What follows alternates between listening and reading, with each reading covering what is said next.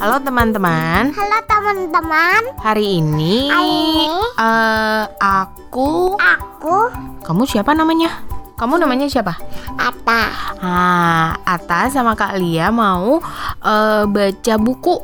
Ya, bukunya judulnya Kina dan si Kakak Kamila. Iya, Kina dan si kelinci gembil.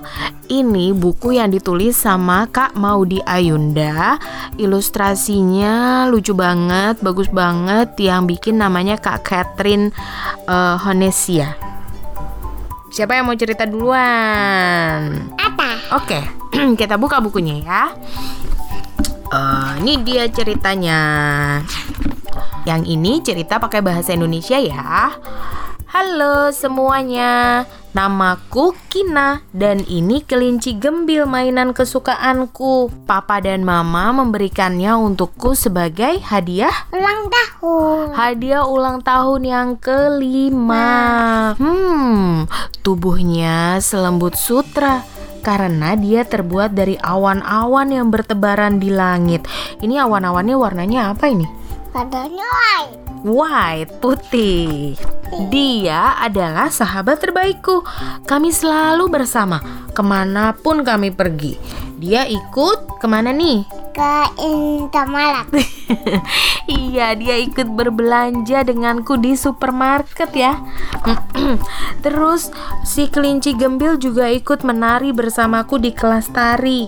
Dia, si kelinci gembil ini memainkan apa dia? Piano. Memainkan piano, sementara aku bermain Kina bermain apa nih? Kita. Kina bermain gitar. Pada malam hari, kami memandangi bintang-bintang dan tidur sambil berpelukan. Tuh, pakai selimut tidurnya. Suatu hari, kelinci gembil terjepit di kotak mainannya Kina. Kina mencoba menyelamatkannya. Dia menariknya. Satu, dua, dan terus menariknya. Plop, awan-awan berhamburan dari tubuh kelinci gembil. Ya, telinganya copot, telinganya hilang entah ke mana ya. Iya. Telinganya siapa yang hilang? Telinga. Kelinci Kamila. Telinganya kelinci gembil. Kelinci gembil bukan lagi kelinci gembil yang dulu. Aku kehilangan sahabatku, gitu kata Kina. Ya, kasihan ya. Ya. Kelincinya nggak punya telinga. Di, di, dipanalin kok. Oh iya? Coba kita lihat bener nggak ya? Dibenerin. Hmm, apa yang harus kulakukan ya sekarang? Kata Kina.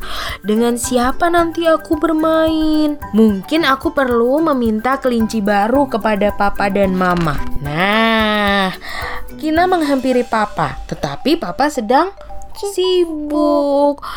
Kina nanya Papa sedang apa?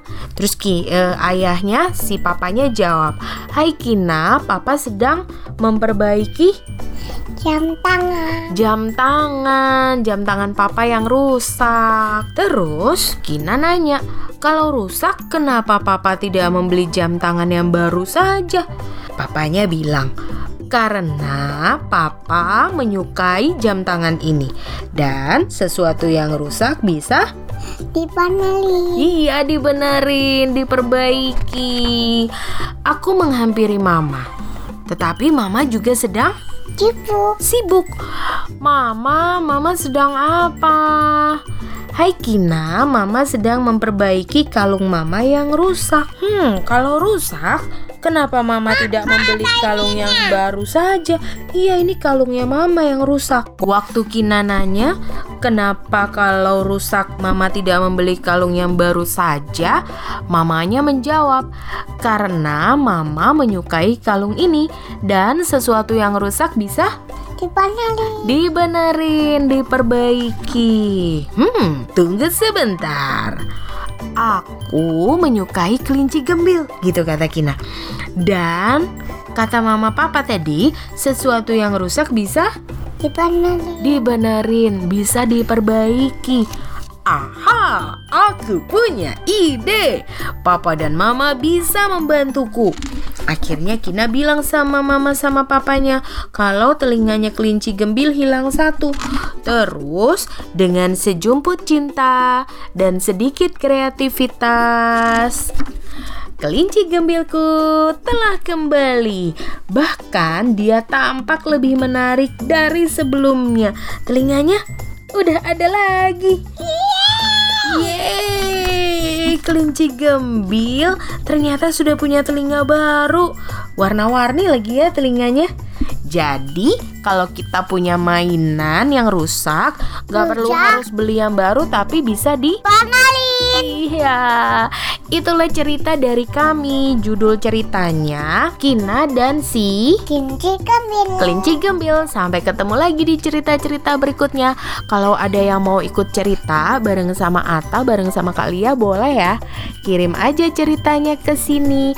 Nanti kami putarkan ceritanya. Dadah teman-teman.